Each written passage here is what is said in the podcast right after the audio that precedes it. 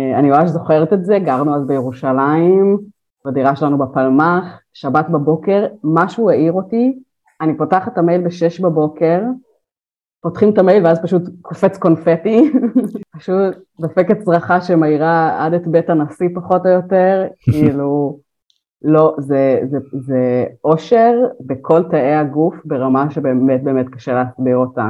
הרווארד זה נראה לא שאיפה הגיונית, אמרתי, אם אני כבר מגישה, אז אני אנסה למקום הכי, אבל לרגע לא באמת האמנתי שזה, שזה יכול לקרות, כאילו זה, זה לגמרי, חשבתי שאני אקבל איזושהי אוניברסיטה, לא להרווארד.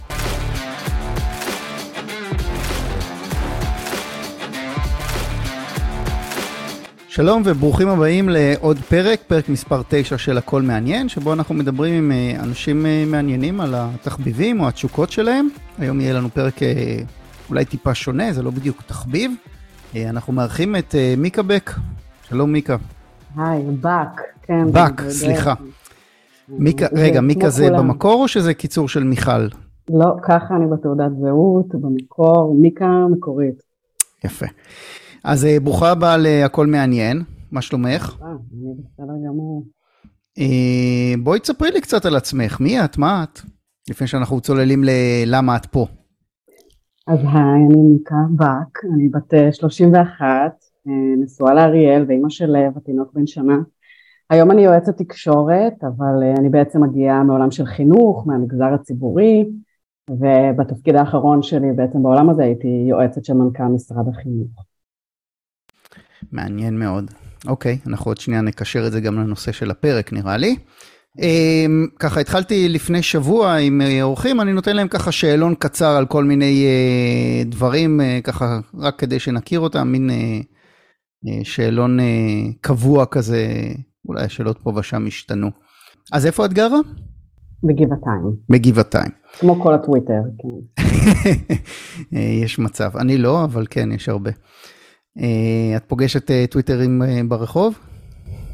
לא, אולי הם פוגשים אותי, אני לא, לא יצא לי להתקל את זה. אוקיי. עיר אהובה בעולם? תל אביב. תל אביב? אוקיי. יותר מבוסטון.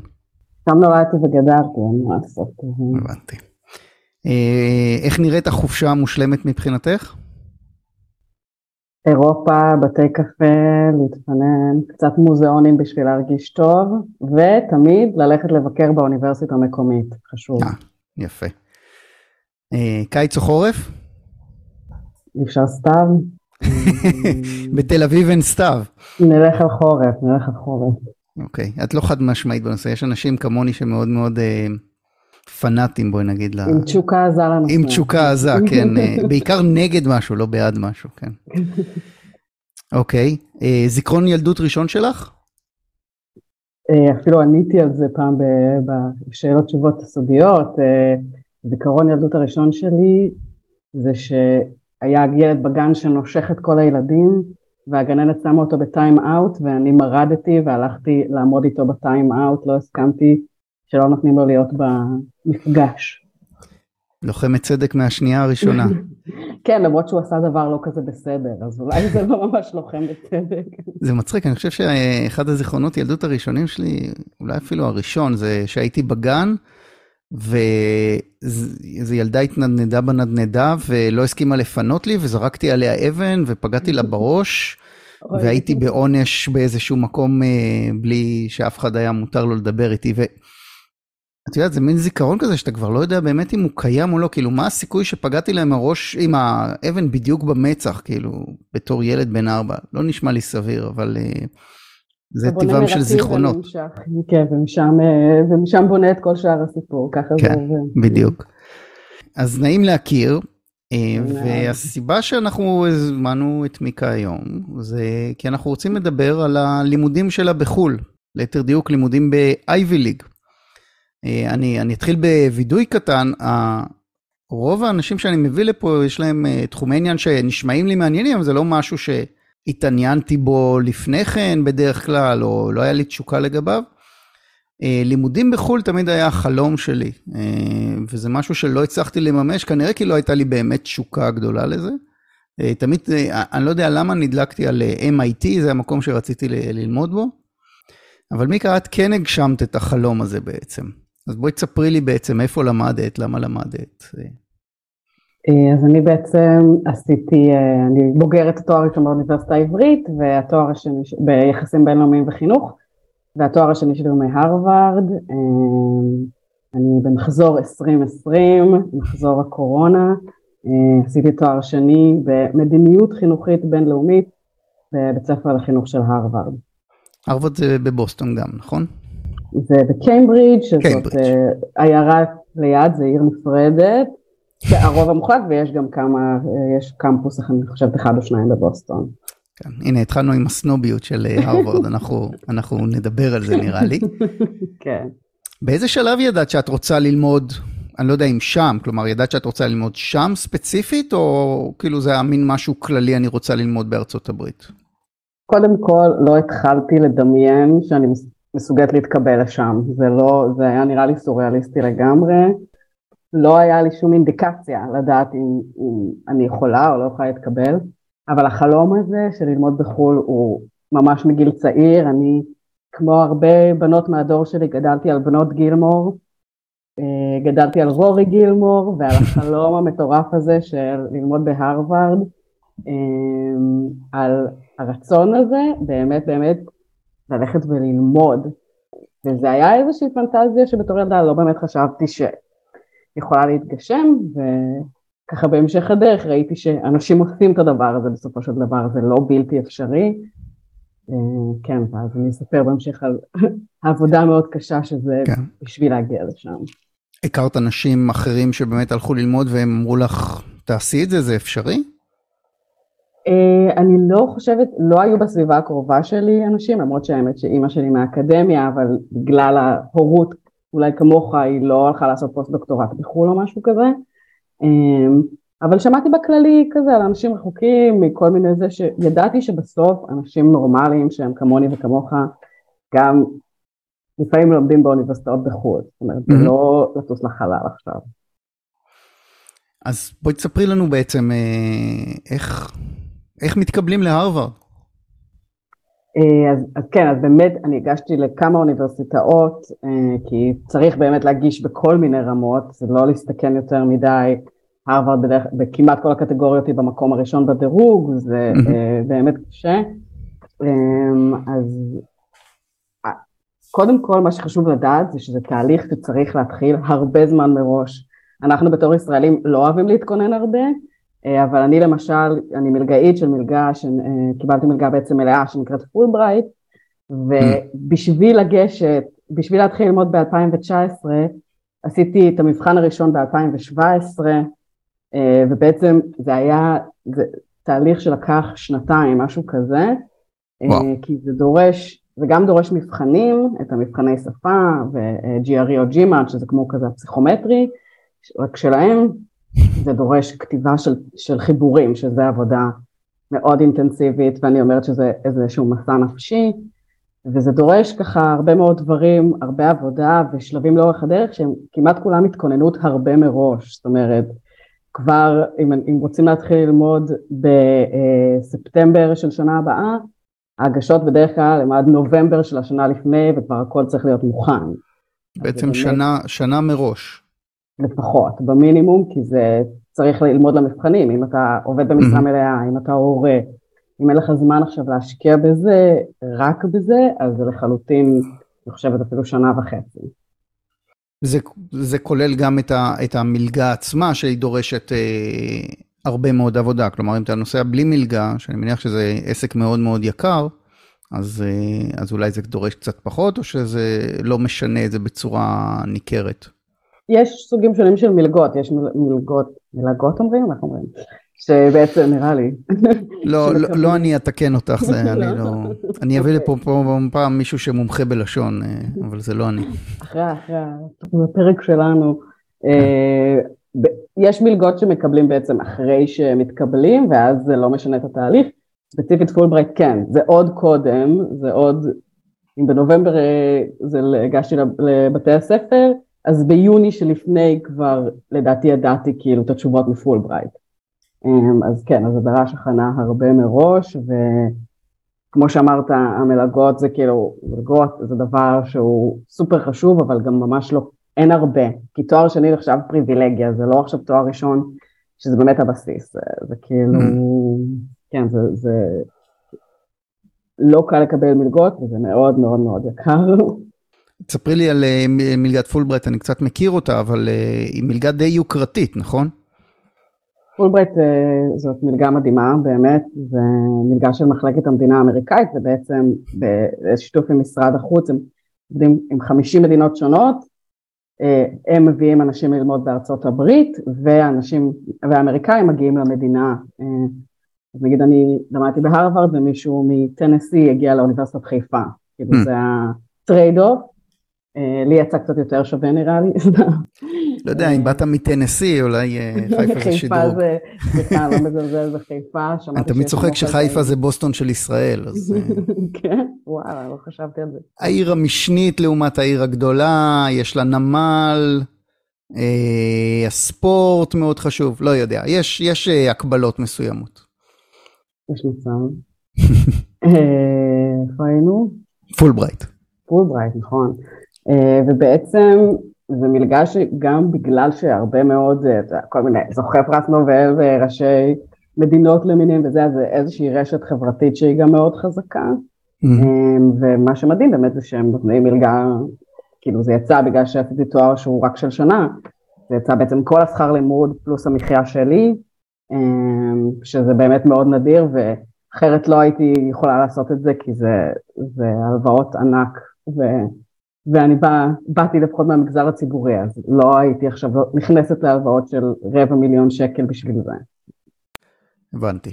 אז בואי ננסה לפרט קצת איזה, איזה מכשולים יש בדרך, או איזה מבחנים צריכים לעשות, או איזה דברים צריכים לעשות בשביל להתקבל? זה נשמע אולי הכי קלישאה, אבל בעיניי המכשול הכי גדול זה התמדה, וזה להאמין בכלל שהדבר הזה אפשרי. כאילו, זה תהליך ארוך, הוא יכול להיות מייאש לפרקים, ואני מכירה, אני במשך השנים, כאילו מאז שסיימתי, אני מייעצת לכל כך, סתם אנשים מבקשים עזרה, אני עושה שיחות כזה על התהליך, מסבירה, ומלא אנשים פשוט פורשים בדרך, הם יכולים אפילו לגשת למבחן, לעשות את התופל, את המבחן האנגלית, ואז להפסיק. ולהאמין ולקבוע את זה כיעד, דיברת בהתחלה על זה שאולי לא רצית מספיק. יכול להיות, אבל זה, אפשר גם לרצות את זה מאוד, ועדיין פשוט שהחיים עצמם כאילו ייכנסו כל מיני אלמנטים שאם יש לנו ילדים, הרבה אנשים מפחדים לעשות את זה כבר בשלב הזה וחושבים שזה מאוחר מדי, או עבודה או כאילו דברים שצריך, זה כאילו ממש עוד מסרונת אה, לעשות את זה. צריך להיות מחויב מאוד לזה. לגמרי, לגמרי. אז בעצם כן, אמרתי, יש את המבחנים שצריך לעשות, uh, אה, GRE שאני בפעם הראשונה נכשלתי כישלון חרוץ ומביך. GRE זה המבחן באנגלית? כן, זה מבחן שהוא כמו פסיכומטרי, אז עושים גם אנגלית, אבל זה גם מתמטיקה, ואני כזה, אני יודעת אנגלית, אבל אין לי מושג איך אומרים משולש ושוקיים באנגלית, כאילו, אתה יודע? אה, אני אציל אותך, כי למה שתדע את זה, זה כאילו באמת... אה, כאילו פתאום להתחיל לעשות מתמטיקה באנגלית ולהבין שבחיים לא נגעתי במונה ומחנה או וואטאבר. יש קורסי הכנה לזה?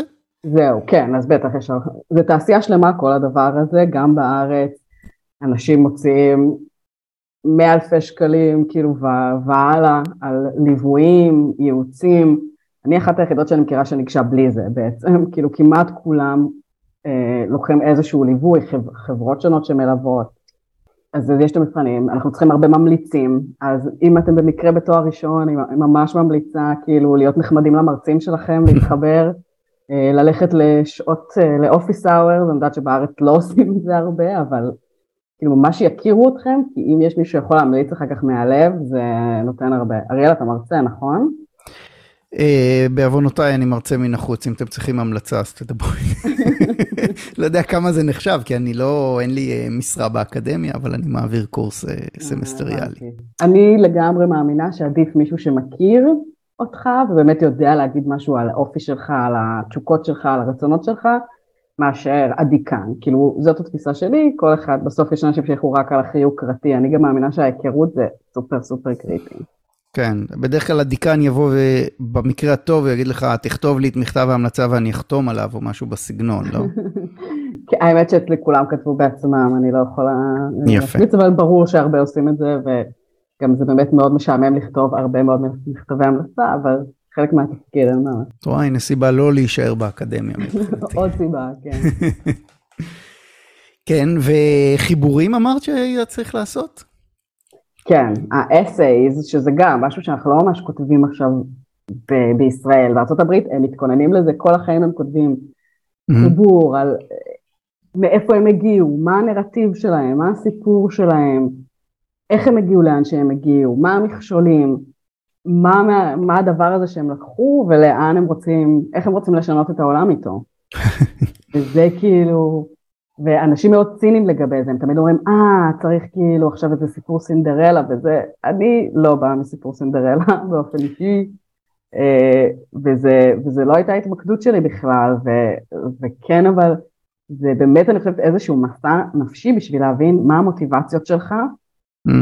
וככל שבסוף יש יותר כנות זה באמת עובר, כי מי שהולך רק על קלישאות הם קוראים מיליארד כזה, הם רואים דרכנו לגמרי, אז באמת צריך איזושהי התחברות, וזה תלוי, כל בית ספר מבקש משהו אחר, אני יודעת שנגיד קנדי סקול, שזה בית ספר של מדיניות ציבורית של הרווארד, שדרך אגב לקחתי בערך חצי מהקורסים שלי שם, כי אני מאוד מאוד אה, אוהבת אה, ומתה על הבית ספר הזה, אז שם למשל צריך איזה חמישה או שישה, אני חושבת, חיבורים קטנים ושונים, וכל שנה הם משנים את השאלות. כאילו, כל אחד כן. יבקש ממש ספציפית משהו אחר, אבל תמיד יהיה להבין מי אתם, מאיפה הגעתם, מה, מה, אתם, מה למדתם בדרך ואיך זה מייחד אתכם. זה מאוד לא ישראלי נראה לי, כאילו אנחנו לא, זה משהו שאנחנו לא ממש מתעסקים בו בשום שלב, לא במערכת החינוך וגם לא ממש אחרי זה בא, באוניברסיטה. נכון, אני באה מהצבא מעולמות של חינוך, קורס חינוך, אצלנו התעסקו בזה כל הזמן בעולמות האלה וגם כי בכלל צופים בזה, אבל אני מסכימה שבמערכת החינוך עצמה, פחות אנחנו מדברים על ועזוב מדברים, כותבים, לדעת לכתוב את זה, זו, זה, זו טכניקה, זה סקילס כאילו. ועוד באנגלית.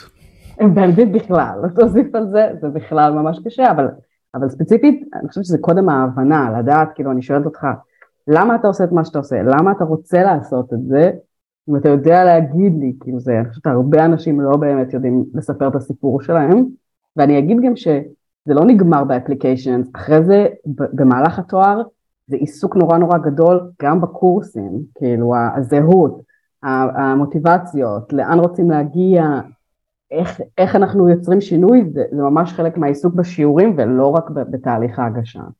כן, אני חושב שזה בכלל אה, הבדל אופי מאוד מאוד גדול בינינו. יצא לי, יצא לי לעבוד, לגור בארצות הברית ולעבוד שם, ואתה מגיע לאיזה ישיבה וכולם מציגים את עצמם, וישראלי זה כזה, אה, שלום, אני אריאל, אני מגיע מכפר סבא. ואמריקאי קם... אתה אומר שם משפחה, זה כבר יצא... כן, ואמריקאי קם ונותן נאום על מי הוא ומה הוא ומה המטרות שלו, וכאילו, אה, הם רגילים לעשות את הפרזנטציות האלה מגיל מאוד מאוד צעיר, וזה מאוד מאוד לא ישראלי, וצריך להתרגל לזה נראה לי. נכון, מה עשית בארצות הברית? אני, אה, יצא לי לעבוד, אה, הייתי ברילוקיישן מאינטל איזה איזה פעמיים, ועוד אה, פעם אה, אשתי נסעה מרילוקיישן גם כן מאינטל וגרתי. אני אספר את החוויות שלי מהאוניברסיטה האמריקאית שאשתי למדה בה עוד מעט. שהיא okay. אוקיי. מאוד מאוד שונה מהרווארד. נכון. יש, כן, זה קמפוסים שונים, אני גם שומעת חוויות מאנשים וזה באמת מאוד אחר. אני חושב שאמרת לי שבפעם הראשונה זה לא הצליח לך.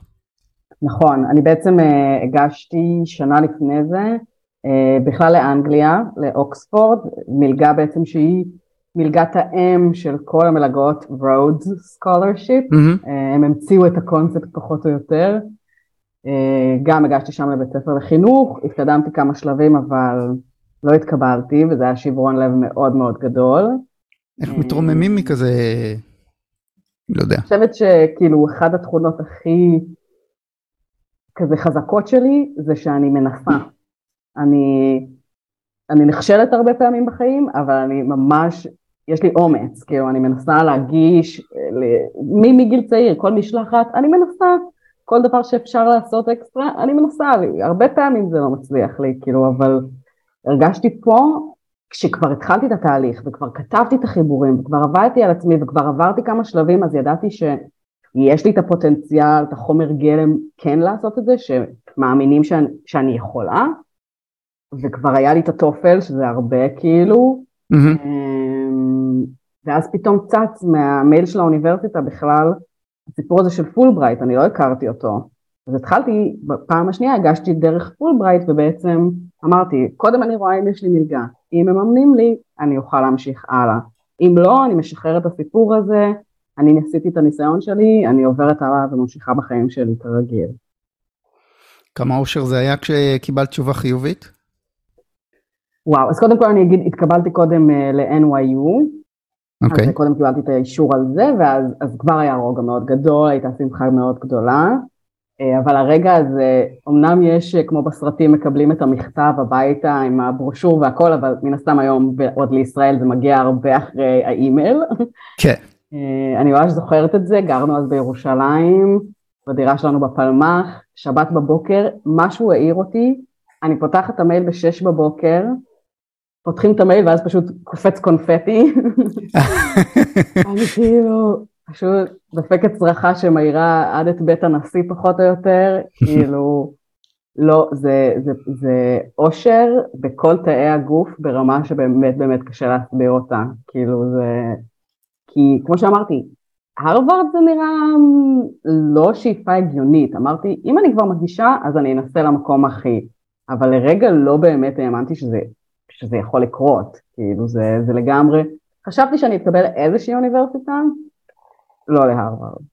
לא היה לך ספק שאת הולכת לשם ברגע שהתקבלת? כלומר, לא שקלת אולי NYU וכולי? ניו יורק זה מפתה, כן. אין ספק, אני גדלתי גם על and the City, כן, כל הסדרות על גרלס, על סדרות של ניו יורק, וזה מאוד מפתה. אבל אה, כמו שאיזה דוד אמריקאי של אה, בעלי אמר לי, את מתקבלת להרווארד, את הולכת להרווארד, אין פה דיון ממש, כאילו, לא באמת היה דיון. יפה. עברתם אה, ביחד? אה, בן זוגך נסע איתך? איתך? כן, בטח. מה הוא עושה שם תוך כדי? אה, אז המזל הגדול זה שהוא אמריקאי, אז mm. הוא יכל לעבוד, אפילו במקצוע שלו, בתקשורת, מצא שם שזה ממש מדהים ולא מובן מאליו, זה מאוד מאתגר לבני זוג, כאילו אני, גם לא, זה היה לא פשוט עד שהוא מצא עבודה ואני כל היום בלימודים ובאקסטזה וזה, אה, אבל מה שבאמת מגניב שם מאוד זה שמאוד מתייחסים לבני הזוג, כאילו בני הזוג מקבלים כרטיס כמו כרטיס סטודנט, הם וואלה. יכולים להיכנס לכל הספריות, לכל המתקנים בקמפוס, והם יכולים להיכנס לשיעורים, הם יכולים להירשם לקורסים. וואו. אז אריאל, לפני שהוא התחיל לעבוד, הלך לביזנס סקול, למשל, והיה שם בשיעורים פסיכיים של 400 איש, ו- וראה כאילו בתי ספר שונים, וגם, דרך אגב הם גם יכולים ללמוד ב-MIT. אז וואו. אני יודעת בני זוג שלקחו קורסים ב-MIT. יש כאלה שממש לקחו קורסים שלמים איתנו, כאילו, אז, אז האווירה שם, גם יש הרבה בני זוג ובנות זוג, וגם באמת נותנים להם כזה להיות חלק ולהשאיר את עצמם בצורה סופר מגניבה ובלי מחויבות, בלי לחץ. מדהים. הם גם עוזרים במציאה של אה, אה, מקום מגורים? או מעונות? יש, יש את המעונות, אה, כל מיני סוגים של מעונות, אנחנו טסנו עם הכלבה שלנו, לילי, אז זה היה קצת יותר קשה למצוא את המעונות שמאפשרים, וכן, אנחנו עשינו מה שנקרא Harvard Off Housing Camp, Off Campus Housing, שזה רשימה שהיא מאושרת כזה על ידי האוניברסיטה, עדיין זה מאוד יקר, קיימברידג' יקרה די כמו ניו יורק, כאילו זה הפתיע אותי, אבל היא מאוד מאוד יקרה. אמ, גרנו בצניעות בדירת שני חדרים חמודה, והיינו ממש ליד אה, ה Harvard Yard, איפה שהקולג', איפה שתמיד, mm-hmm. מי שבא לבקר זה המקום שהוא רואה בעצם. כן, אז אני חושב שאחת החוויות אה, שמבחינתי הייתה הכי אה, מדהימה, באמת לבקר בקמפוסים אמריקאים, גם באנגלים, כן, יצא להיות באוקספורד אה, ממש לא מזמן, אבל קמפוסים אמריקאים זה באמת, בואי נגיד זה לא אוניברסיטת באר שבע, שאני באתי ממנה. אני זוכר שהייתי בסטנפורד נניח 2005, וזה באמת הכל קמפוס ירוק עצום, בנוי בבניינים מאוד מאוד, אה, גם אם סטנפורד היא אוניברסיטה לא, לא ותיקה כמו הרווארד, עדיין הבניינים מרגישים לך עתיקים. אה, זה כן. החוויה שהיה לך שם בהרווארד, שכאילו הגעת לאיזשהו, אה, לא יודע, כן, הארי פוטר? כן, כאילו יש, יש לכולם בסוף, הם לוקחים את המודל הזה, אתה יודע, של, של אוקספורד ושל קיימברידג' ובעצם לוקחים את זה ואיכשהו מתבססים על זה, גם פנימית, אני זוכרת הייתי בסיור, נסענו לייל, לראות את ייל, וגם זה מאוד דומה, כאילו בסופו של דבר, הם רצו להיות סוג של הרווארד, אה, כאילו... אהבתי את כן. ההתנסות על יעל כבר. אה, זה בטוח, זה, זה היריבות ארוכת השנים, היא כבר לא רלוונטית כי יעל בערך מקום עשירי ברשימה או משהו כזה, סתם. אבל עכשיו זה סטנפורד הפך להיות היריב המרכזי. אה, וזה לא רק כי לא התקבלתי לסטנפורד, אני אומרת את זה, אלא כי באמת... הנה, כן, גם אני, לא, יש דברים שהתקבלתי, יש כאלה שלא. אה, אז ספרי לנו הקמפוס, איך הוא נראה, מה... אז באמת יש, מי שבא בדרך כלל לסיורים רואה את מה שנקרא הרווארד יארד, זה גם מה שיש לנו ב image כזה בראש, אה, שזה הקולג', שם סטודנטים אה, של התואר הראשון לומדים, יש את המבנים שם שהם מהממים, כל המבנים של הבתי ספר, באמת, דרך אגב, רציתי לספר על זה, יש את Widener Library, הספרייה המרכזית, אתה זוכר אותה? לא. אז יש בעצם, זה כזה ה image של הרווארד, יש שם ספרייה מאוד יפה, שנראית שתי קומות, אבל למעשה היא חמש קומות לתוך האדמה והיא כמעט מתחת לכל קיימברידג'. וואו. יש שם אה, של, שלוש וחצי, שלושה וחצי מיליון ספרים, אה, והיא בעצם בנויה ככה ממש לעומק. והסיבה לזה זה בגלל שהיא קרויה על שם הרי וייטנר שמת בטיטניק, ואימא שלו שתרמה את הכסף בעצם לזכרו, אמרה שהיא מוכנה רק אם לא יוסיפו קומות יותר. אז ממשיכים לבנות למטה, ול, ול... כל פעם חופרים עוד קצת פנימה? כן, וזה ממש, זה ממש מתחת ל, לכל ה... לכל ה... כמעט לכל קיימברידג', ואני זוכרת שג'ו, המרצה שלי לסטטיסטיקה, סיפר שהאגדה אומרת של כל הלואוין, כל אה, ליל כל הקדושים, כל המרצים אה, יש את הארוחות של, של המרצים מהרווארד שמתו נמצאות בספריית ויידנר ומשוטטות בקומות מינוס ארבע, מינוס חמש. אנחנו גרנו ב-2006-2007 גרנו בפיניקס, אני נסעתי מטעם עבודה, ובת הזוג שלי התחילה דוקטורט ב Arizona State University. עכשיו, כמו שאמרתי, Arizona State University היא ההפך הגמור מהרווארד, זו אוניברסיטה ש... לאמריקאים הרי יש דירוגים לאוניברסיטאות על כל דבר, כן? אה, המחלקה הזאת, זה, Arizona State... יודעת מה זה, כן.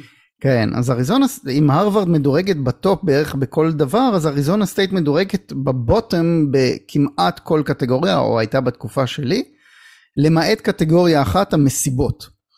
אה, והיא באמת נחשבת לפארטי יוניברסיטי, וכולם שם היו חוגגים, והחוויה שלי הייתה, אה, ש... הרגשתי כאילו נכנסתי לסרט קולג'ים אמריקאי. אה, זאת גם הייתה החוויה שלך? גם בתור זה, בעולמות של דוקטורנטים זה הרגיש ככה? תשמעי, היא הייתה באיזושהי מעבדה, אבל אה, יצא לי להסתובב בקמפוס, או לדוגמה היה להם, אה, אה, היה כרטיס מאוד מאוד בהנחה, אני אוהב פוטבול ואני אוהב ספורט אמריקאי, היה כרטיסים בהנחה להיכנס למשחקי פוטבול, הלכתי כמעט לכל משחק שם והלכנו לבייסבול. ושם החוויה היא ממש כמו בסרט אה, קולג' עם המעודדות, ושהם, ו, והקהל הם לובשות מעט מאוד, ו, ובאמת כאילו אה, בימבוז אמריקאיות, אין לי מושג, כאילו זה, וכולם חוגגים כל הזמן במסיבות. כאילו, אה, זה, זה התחושה שלי של באמת נקלעתי למקום של אנשים צעירים שהם אין להם את החוויית צבא, הם עכשיו יצאו מה, מהבית ספר ופעם ראשונה הם גרים מחוץ לבית והם באים לחגוג בעצם. והלימודים כן, זה כאילו קטע קצת משני. כאילו נותנים לך ללכת לצבא ולשתות כמה, שמות... כמה שאתה רוצה, זה כאילו, זה כאילו כן. הקטע של קולג'. תראה, עשיתי תואר שני, אז uh, אנחנו, וגם אני חששתי מזה שכולם יהיו כזה בני 22, שאני הייתי כל כך מבוגרת, בת 27, הרגשתי מאוד גדולה. היו הרבה מאוד מסיבות, לגמרי כאילו גם אצלי התוכנית שלי ספציפית הייתה סופר מגובשת, היינו 60 אנשים והיינו כזה כל פעם יוצאים לפאב אחרי זה ביחד והולכים למקומות והולכים למסיבות אבל הרבה מאיתנו, כאילו אני הגעתי כבר נשואה, הרבה מאיתנו כבר היו בזוגיות, mm-hmm. לא היו כאלה עם ילדים. אני חושבת שזה זה, זה לא נראה כמו שזה נראה לנו בסרטים האמריקאים. אני כל הזמן ראיתי את הילדים מהקולג' מסתובבים, וכאילו ראיתי שהם חיים לגמרי את החיים האלה.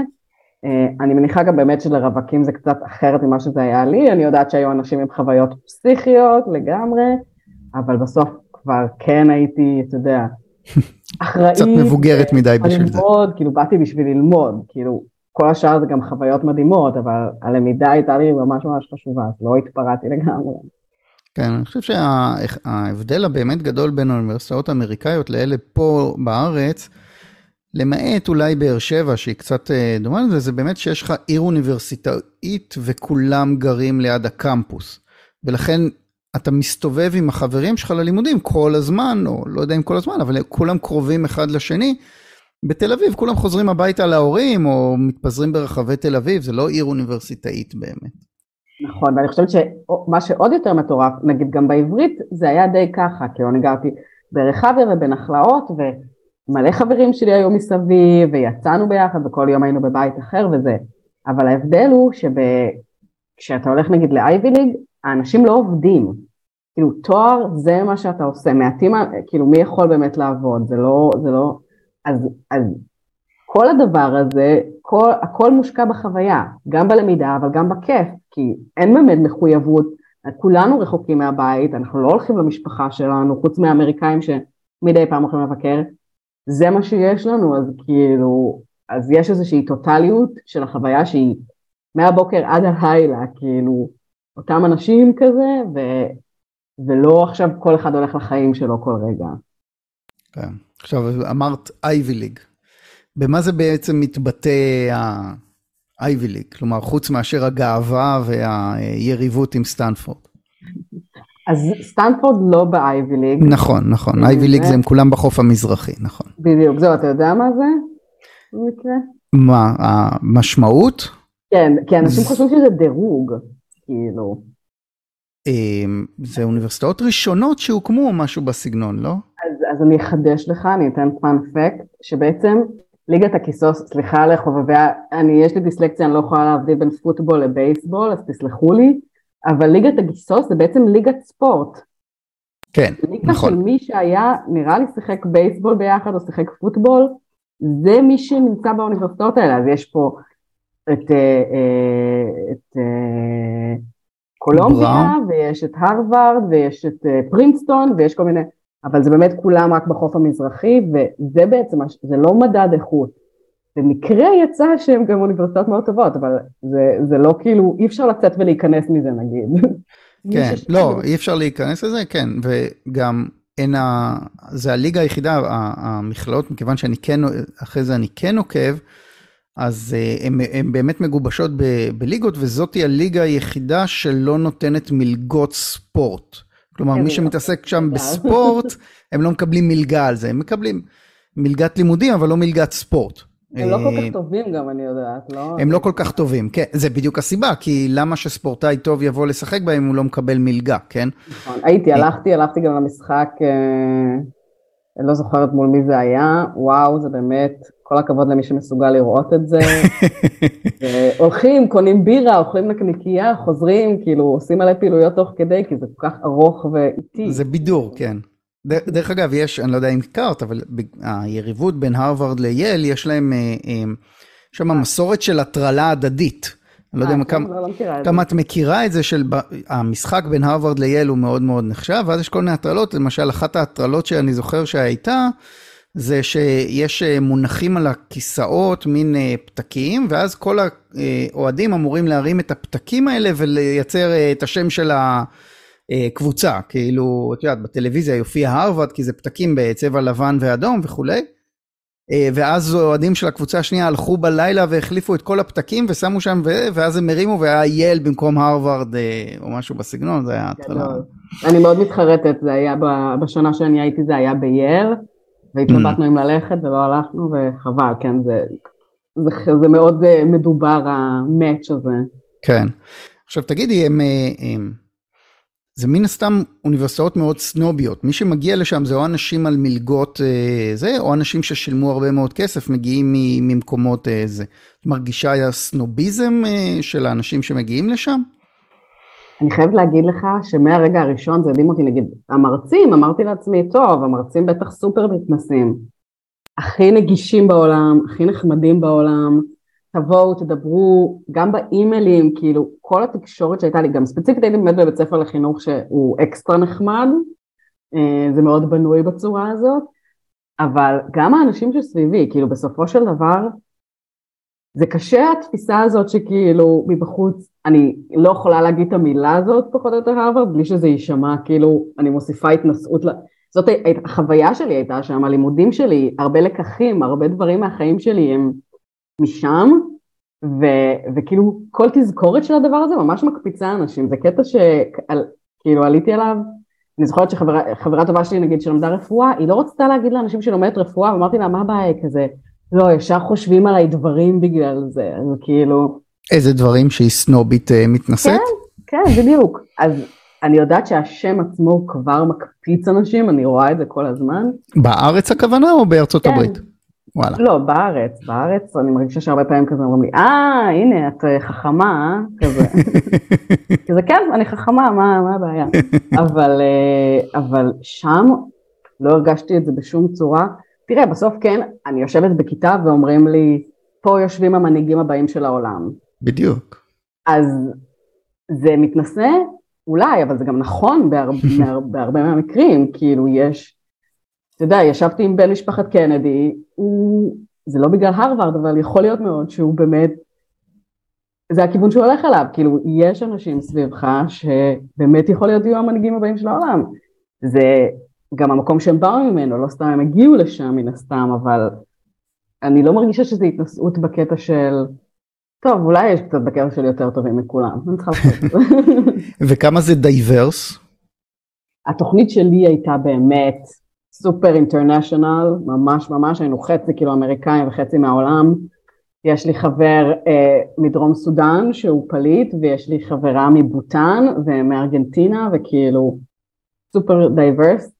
בסופו של דבר כן, גם נגיד החברים ההודים שלי הם כולם מהקסטה הכי גבוהה. ברור, כאילו, כן. יש לי חברה אחת שלא, ובאמת כל הכפר וכל המשפחה שלה הכניסו, שמו כסף בשביל שהיא תלמד שם. מדהים. אבל הם כולם מאותה קסטה. אז בסוף זה מהרבה מאוד מדינות, הרבה אנשים באמת מגיעים ממעמד גבוה, אבל הרבה הם פליטים לסוגיהם ומיניהם, אנשים שכאילו עברו דברים סופר קשים בחיים שלהם. נגיד הבית ספר שלי היו הרבה היספנים, אה, אפרו-אמריקאים, כאילו מכל ה... לא, אומרים שחורים, לא אפרו-אמריקאים יותר נראה לי. אבל... אנחנו אה, בישראל אז אנחנו קצת פחות מקפידים. סתם זה עיסוק מאוד גדול, אתה יודע, כאילו זה לא, זה לא עובר סתם ככה, זה mm-hmm. חלק מרכזי העיסוק הזה. אה, זה היה מאוד מאוד מגוון, בסוף כן, הרבה אנשים עם מעמד גבוה. נגיד, תחשוב על זה שאני היחידה, אני חושבת, שלמדה בתיכון שהוא בשפה המקומית שלה, ולא באנגלית. וואו. אוקיי. גם הסינים וגם ההודים, כולם הם למדו באנגלית. אז uh, אמרת לי שיש שם תרבות פופ כלשהי שהיית רוצה לדבר עליה. לא, אני חושבת, אחד הדברים המעניינים שקרו, אתה יודע, אתם מדברים כזה על נשים שברגע שאת בהיריון, אז פתאום את רואה שכולן הריוניות. Mm-hmm. אז מהרגע שהתחלתי להתעסק בסיפור הזה, ב- בלהגיש, פתאום קלטתי כמה רפרנסים יש כאילו בתרבות הפופולרית להרווארד, בכלל כאילו לאוניברסיטאות בארצות הברית. בסוף זה בכל כך הרבה סרטים וסדרות וכאילו, אז נגיד אני גדלתי על בנות גילמור, או לא רק בלונדינית, שהיה כאילו הטירוף אה, גם כאילו כשגדלתי, ואיזושהי שאיפה לאוניברסיטה, שזה די מדהים שסדרות וזה הופכות, נותנות איזושהי הילה מטורפת. בסוף זה מוסד אקדמי, זה מקום שהולכים ללמוד בו, ובתרבות האמריקאית זה כאילו אתה יודע, שאיפת השאיפות, זה די מטורף ואני חושבת שיש לזה השפעה ממש ממש גדולה. כן, הם גם לוקחים הרי אה, את ההלוואות סטודנטים המטורפות ש, ש, שהם צריכים להחזיר אחרי זה כל החיים רק כדי ללכת ללמוד שם, אלה שלא באים על מלגה. אה, זה הכל נכון, מכוון לזה. זה באמת, ה Ivy League זה הרבה יותר יקר וגם מי שנגיד לומד ב state שלו משלם הרבה הרבה פחות, אבל זה תעשייה שלמה הרווארד זה הגוף, אני אגיד את זה, אני אנסה להגיד את זה מדויק, הגוף הציבורי השני אחרי הכנסייה הקתולית, כאילו מבחינת ה endowment, מבחינת הנכסים והכסף שיש להם, השני בגודלו אחרי הכנסייה הקתולית. כן, זה, זה קטע מטורף, היה על זה פודקאסט של אה, מלקום גלדוול, אני לא יודע אם את מכירה. לא. אמ, הוא עשה ממש אה, רצף של אה, שלושה פרקים על הנושא הזה, בצורה מאוד ביקורתית. כלומר, המערכת חינוך האמריקאית, אני זוכר שהוא דיבר עם סטנפורד, על סטנפורד שיש להם בבנק משהו כמו 20 מיליארד דולר. והם לוקחים דמי, דמי לימוד או שכר לימוד של 60, 70, 80 אלף דולר לשנה. אה, במקום לקחת את הכסף הזה ו- ולהשתמש בו ולתת מלגות יותר או וכולי, הם פשוט לוקחים אה, סכומים זה ושמים את הכסף בבנק וחיים מהריבית, ועוד מחפשים אה, כל מיני כאלה שישקיעו בתוכניות האלה. הוא נתן דוגמה דרך אגב לקולג' אמריקאי אחר, שנותן תנאים הרבה פחות טובים לסטודנטים מבחינת האוכל בחדר אוכל וכולי, אבל הוא מחלק הרבה הרבה יותר מלגות, והוא עשה את ההשוואה בין הדברים האלה. כאילו מצד אחד זה, זה קמפוסים מדהימים ויש להם כסף ומשקיעים בסטודנטים שלהם בצורה מטורפת, כמו שאמרת, איך שהם משלבים את הבני זוג. מצד שני, אה, ההשכלה הזאת היא מאוד מוגבלת לאנשים אה, מסוימים, ואם אתה רוצה ללכת ללמוד שם ואין לך את הכסף, בעצם, לדעתי, ברגע שאתה מתחיל תיכון, אתה כבר צריך להתחיל לתכנן שאתה הולך לשם, ואיפה אתה הולך להתנדב, ואיזה משימות אתה הולך לעשות כדי להיכנס לשם. תיכון זה סופר מאוחר, אריאל. כן, סליחה, נכון. מהגן, קודם כל אתה מתחיל להתנדב מהגן. לא, קודם, מבחינת כסף, הורים, אני יודעת, אתה יודע, חוסכים מהרגע שהילד נולד בשביל הקולג', כאילו כן. אם בשבילנו נגיד יחסכו, ינסו מי שזה לחתונה, לבית, למשהו כזה, לתת חלק, שם זה לגמרי ללימודים. וזה באמת עולם מטורף. אתה יודע, אני כאילו לא חשבתי ממש לרגע לראות אם אני אנסה לממן את זה בעצמי, לגייס כסף, לא, כאילו זה היה לי ברור שרק אם אני בראש שקט אני עושה את הדבר הזה. אמ, זה, זה באמת תרבות שלוקחים המון כסף ואז מלא אנשים על מלגות, אז כאילו אפשר לחשוב על איזושהי קונסטלציה אחרת, אבל יש בזה משהו שנראה לי כזה, זה הקפיטליזם האמריקאי, זה כאילו, זה רחוק כזה, ואני איכשהו מרגישה שלא באמת אני משתתפת במערכת הזאת, אתה יודע? כאילו אני מבחוץ כזה. כן, כן, לא, זה לא שבאתי בהאשמות, אני... לא, ברור, אני יש... לגמרי זה, ואני יכולה כן. להגיד שגם האנשים שלמדו איתי, נגיד, אתה יודע, עבדים בנו את המבנים היפים האלה שאתה רואה. נכון. זה לא כאילו עכשיו אה, המהגרים אה, מאנגליה, פוריטנים או ווטאבר ישבו ובנו, לא, זה עבדים בנו את זה, ואחד החברים שלי, שהיינו ב, ביום האחרון, אה, עצר ודיבר מול כולם, ודיבר על זה שלא נשכח ש, שבעצם עבדים בנו את המקום הזה, ואם הם היו מסתכלים על ההרכב עכשיו של הכיתה שלנו, אתה יודע, זה היה גברים לבנים, אה, כולם אנגלים, הם כנראה היו מזדעזעים, כי כולנו כמעט, או כאילו בני מיעוטים, נשים, הומואים, להט"ב למיניהם, כאילו ההרכב הוא נורא מגוון וזה נבנה במקום סופר לבן, אתה יודע, רק לפני מאה שנה אנשים אה, יכלו להתחיל ללמוד בהרווארד. כן. בבית ספר שלי, בבית ספר לחינוך, לפני מאה שנה זה התחיל, עד לפני זה זה היה רק גברים פחות או יותר לבנים, זה כאילו, זה באמת מוסד שהיה שמרני בהרבה צורות. כן, יש עדיין כל מיני קרבות מדי פעם, אני לא יודע אם ספציפית בהרווארד, על אה, מבנים שנקראים על שם אה, כל מיני אה, בעלי עבדים לשעבר ודברים מהסוג הזה, ולהוריד את הפסל של ההוא ודברים מהסוג הזה, שזה באמת מלחמות מאוד אמריקאיות. כי זה קצת מצחיק, מצד אחד אתה נלחם על הדבר הזה, ומצד שני אנשים משלמים הון עתק, ובוא תילחם בקפיטליזם, אולי זה, זה עדיף, זה יאפשר שוויון קצת יותר גדול נראה לי. אבל אה, זה המלחמות כן, אני יכולה. להבין שלא מעלימים את ההיסטוריה, ודווקא כאילו הרבה שנים לא התייחסו לדבר הזה, ועכשיו יכול להיות שיש איזו תגובה נגד שזה באקסטרים, כאילו, באמת כן. בכל דבר עושים איזשהו disclaimer, כאילו, כן. בכל דבר כמעט שם יש disclaimer על... איך זה אנטי שוויוני או לא מספיק או לא, אה, אבל אני חושבת שעד לפני כמה שנים זה, זה היה ממש חוצפה לדבר על זה, וזה כן יפה שמישהו כזה, שבסוף מרגיש איזושהי בעייתיות עם המקום שהוא נמצא בו, יכול לבטא אותה. כן. עכשיו תגידי, לא דיברנו על הלימודים עצמם. אמ, הרגשת שהם באמת איכותיים ברמה מאוד גבוהה לעומת הארץ? הדבר הראשון ששמתי לב אליו, כאילו, זה הכוח של הסטודנטים. על הסטודנטים יש, הם חלק ענק בשיעור, באיך שהוא מתנהל, בתרומה לשיעור. זה לא, לא היה לי הרבה דברים שהיו לגמרי פרונטליים עכשיו, המרצה פשוט עומד עכשיו שעה וחצי ומדבר או משהו. Mm-hmm. זה, כל בית ספר זה אחרת, כאילו באמת, business school זה משהו לגמרי אחר, וגם Kennedy School, וגם יצא לי להיות בשיעורים בבית ספר למשפטים, אתה יודע, זה ממש בנוי אחרת. החוויה שלי היא ממש חוויה של מסע אישי, וגם זה הקורסים שבחרתי אה, הרבה פעמים באמת, כי זה, זה מאוד עניין אותי. למשל, אחד המרצים המדהימים שלי, שהוא באמת אגדה, נקרא מרשל גנץ, אחד מהמארגנים הקהילתיים הכי ידועים, והוא אה, הוביל את הקמפיין, את, ה, את הקמפיין של אובמה במובן הזה של, ה, של הגיוס, הוא קודם כל אה, טבע את המונח hope, okay. אוקיי. כהובלה של הקמפיין של 2008, ואת כל הארגון הקהילתי, את כל העובדה שכל אחד מהמשתתפים בקמפיין הזה הרגיש שהקמפיין שלו, ולא רק של אובמה, כי כל אחד מצא את הסיפור האישי שלו, את הנרטיב שלו, וידע להסביר למה הממשלה הזאת חשובה לו אישית, זה הכל הוא הוביל. אז זכיתי כאילו להיות סמסטר עם הבן אדם הבן 82, שהיה, שעבד עם בובי קנדי ועבד עם אובמה, וכאילו יצר שינוי מטורף בעולם.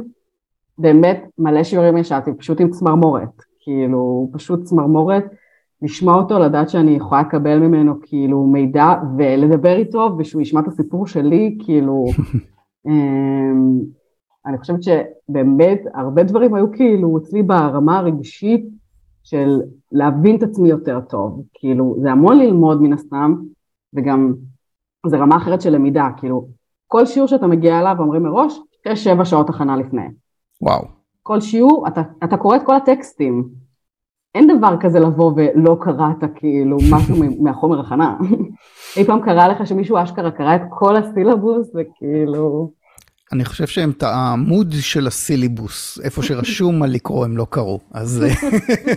אתה ממש גאה במי שעשה את זה. אז כן, בדיוק. אשכרה, וגם תדהים אותי, מה זה הכנה? זה לא עכשיו כאילו, תבוא רק תקרא, יש לך את זה במוח. הם כותבים הערות, הם ממרקרים, יש להם נקודות לדיון על זה. מגיעים מוכנים ומשקיעים אשכרה בתוכן, שזה כאילו ההפך הגמור ממה, שכאילו הכרתי מלפני זה, וגם אני הייתי צריכה להשתפר ממש, כאילו. שמע, חוויה מדהימה. כמה היה קשה לחזור אחרי זה?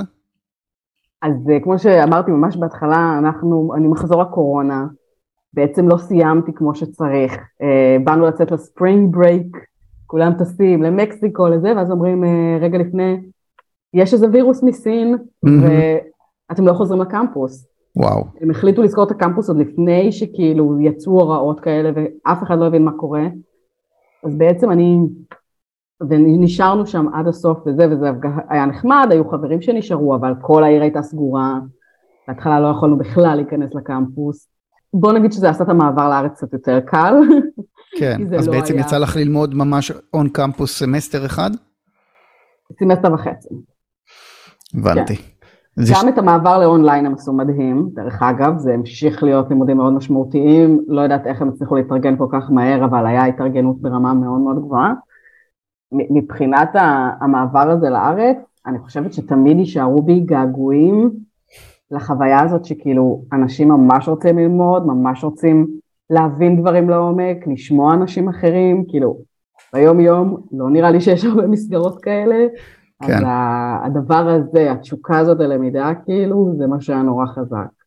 יש לך משהו, איזה שהם אה, מחשבות על אה, לחזור לדוקטורט או משהו בסגנון הזה, או שסיימת את הפאזה הלימודית בחיים שלך? אה, זו שאלה ממש טובה. בסופו של דבר דוקטורט זה חמש שנים שם, זה לא צחוק, נכון. זה להעביר את החיים ממש. Mm-hmm. אז זה כאילו נשאר באיזה מקום של פנטזיה, אני אשמח אולי לעשות אותו תואר שני מתישהו, נראה לי שאם כבר זה, זה יהיה הפתרון. אולי בהרווארד, אולי באיזו אוניברסיטה אחרת, נראה כאילו, אבל... סטנפורד. לא, אולי קולומביה, דיברנו על ניו יורק וזה, ש... כן. שאני אשמח לחיות שם. אה, אבל אני חושבת שלעבור לשם לחמש שנים עכשיו זה כן. מוגזם. יפה, אנחנו מגיעים ככה לסוף, אז יש לי שתי שאלות uh, בשבילך. אחת uh, קט, קטנה ואחת זה. כשאת רואה אנשים בארץ לובשים חולצה של הרווארד שהם קנו בגאפ או משהו, כמה זה מרגיז אותך? אני בעיקר מקנאה בהם שהם יכולים ללבוש את זה ואני לא, כי אני אצא דושית, אתה מבין? אה, כן, אני מבין. אני קניתי את זה שם, יש להם את החנויות שלהם, שזה דבר יקר באופן מוגזם, קניתי באיזה 45 דולר טישרט. כן, גם, כן. אני זוכר החוויה שלי ב Arizona State, דרך אגב, זה לא הרווארד, אבל אה, זה, וראיתי את זה גם בסטנפורד, אבל ב Arizona State ממש ראיתי בימים הראשונים שהסטודנטים מגיעים לקמפוס, הם מגיעים עם ההורים שלהם ונכנסים איתם לחנות של הזה, והם פשוט קונים ציוד מלא והם הולכים עם, ה, עם החולצות וה, והבגדים של הזה, פשוט 24-7 עם הבגדים הממותגים של האוניברסיטה. כי באמת הזכרתי את זה, זה באמת נורא מזכיר צבא, במובן נכון. הזה שכאילו גם אתה יכול לראות כזה הורים, סתם מכוניות, Penn State mother, כאילו mom, כאילו הגאוות יחידה הזאת של, זה בסוף זה כאילו חולצת סוף מסלול, זה להסתובב עם, אה, עם חולצה של פלס"ר גולני או whatever, זה בהרבה דברים וזה לא סתם, זה אותו גיל כנראה, תחושת שייכות, לא יודעת מה, כן, האלמה מאטר שלהם היא, אה, היא קריטית, זה ממש כמו היחידה בצבא, והם חוזרים, אני הכרתי איזה מישהו שהיה נוסע כל שבת שמונה שעות לכל כיוון לראות את הקבוצת פוטבול של האוניברסיטה, של האלמה מאטר שלו אה, משחקת. וואו. אה, זה באמת, כן, טירוף כזה. יפה, שאלה שנייה ואחרונה ככה, אם היית צריכה לתת עצה למישהו ש... חושב על זה, מה, מה זאת הייתה העצה? את יכולה יותר מאחת, אבל אם היית צריכה לזקק את זה. כן, אז אני, אז אני באמת העצה הראשונה, אני חושבת, זה לעשות איזשהו ברור מבחינת ציונים, מבחינת זה, ואם מחליטים ללכת על זה, אז באמת ללכת על זה בפול פאוור, לא להתייאש עכשיו, כי זה הרבה מאוד שלבים בדרך, ו- וזה איזשהו יעד גדול. והדבר השני זה חייבים עזרה, חייבים להתייעץ, חייבים למצוא אנשים שכבר עשו את זה. לפעמים אנשים אומרים לי, למה עזרת לי ככה? את לא מכירה אותי. כי אני אומרת, היו מלא אנשים שעזרו לי לאורך הדרך, קראו את החיבורים שלי, המליצו לי על מורים, אמרו לי איזה מרצה כדאי לדבר מהחוג שיכתוב את ההמלצה הכי טובה. בלעדיהם לא הייתי יכולה לעשות את זה, אז אל תתביישו, תכתבו גם אם זה לא הבן אדם שאתם הכי מכירים. לא כולכם צריכים לכתוב לי, אבל חלקכם יכולים. אבל יש הרבה אנשים שעשו את הדבר הזה, חברים של חברים, להיעזר לבד זה פשוט לא אפשרי. את ממליצה בכל מקרה. אני חושבת שבסוף ברור שיש המון תנאים בחיים ומשתנים וזה מה שצריך לחשוב עליו, זאת הוצאה כספית גדולה ומה יכולנו לעשות בזמן הזה. אני יכולה להגיד שברמה האישית זה אולי הדבר הכי מדהים ש... שעשיתי בשביל עצמי, זאת חוויה שהיא מכוננת והיא תישאר לי כל החיים ואני תמיד אתגעגע לשם. אבל אני תמיד יודע שגם רדפתי אחרי החלום שלי, כאילו, ולא ויתרתי עליו, גם כשנכשלתי, ו... וזה לגמרי היה שווה את זה, חד משמעית, את כל המאמץ, את הבכי, את היזע והדמעות, הכל, זה לגמרי היה שווה את זה. מעולה, עשית לי המון פומו עכשיו, אני מוכרח לומר. סליחה. לא, זה בסדר, תשמעי, אני רק בן 47, אולי זה עוד יקרה. Uh, תודה רבה שהתארחת, היה לי ממש כיף לדבר איתך, זה היה נושא מעניין וקצת uh, שונה מהרגיל, זה לא איזה תחביב. Uh, אם מישהו היה רוצה להתייעץ או משהו כזה, איפה הוא יכול uh, למצוא אותך? אני, אני מכיר אותך מטוויטר. אתם יכולים לכתוב לי בלינקדאין, מקב"ק, כן, נראה לי לינקדאין זה הכי טוב. רעיון מעולה. תודה רבה שהתארחת, מיקה, היה לי כיף. בשמחה רבה. תודה לכולכם שהאזנתם לעוד פרק של הכל מעניין. אה, אם אתם מחפשים אותי, אתם יכולים למצוא אותי בטוויטר אה, תחת לא underscore גרייזס. אפשר לכתוב מייל הכל נקודה מעניין ב Gmail dot com. אם יש לכם איזשהו תחביב או תשוקה או משהו שאתם אה, חושבים שזה יהיה כיף לדבר עליו, אתם מוזמנים. ונשתמע.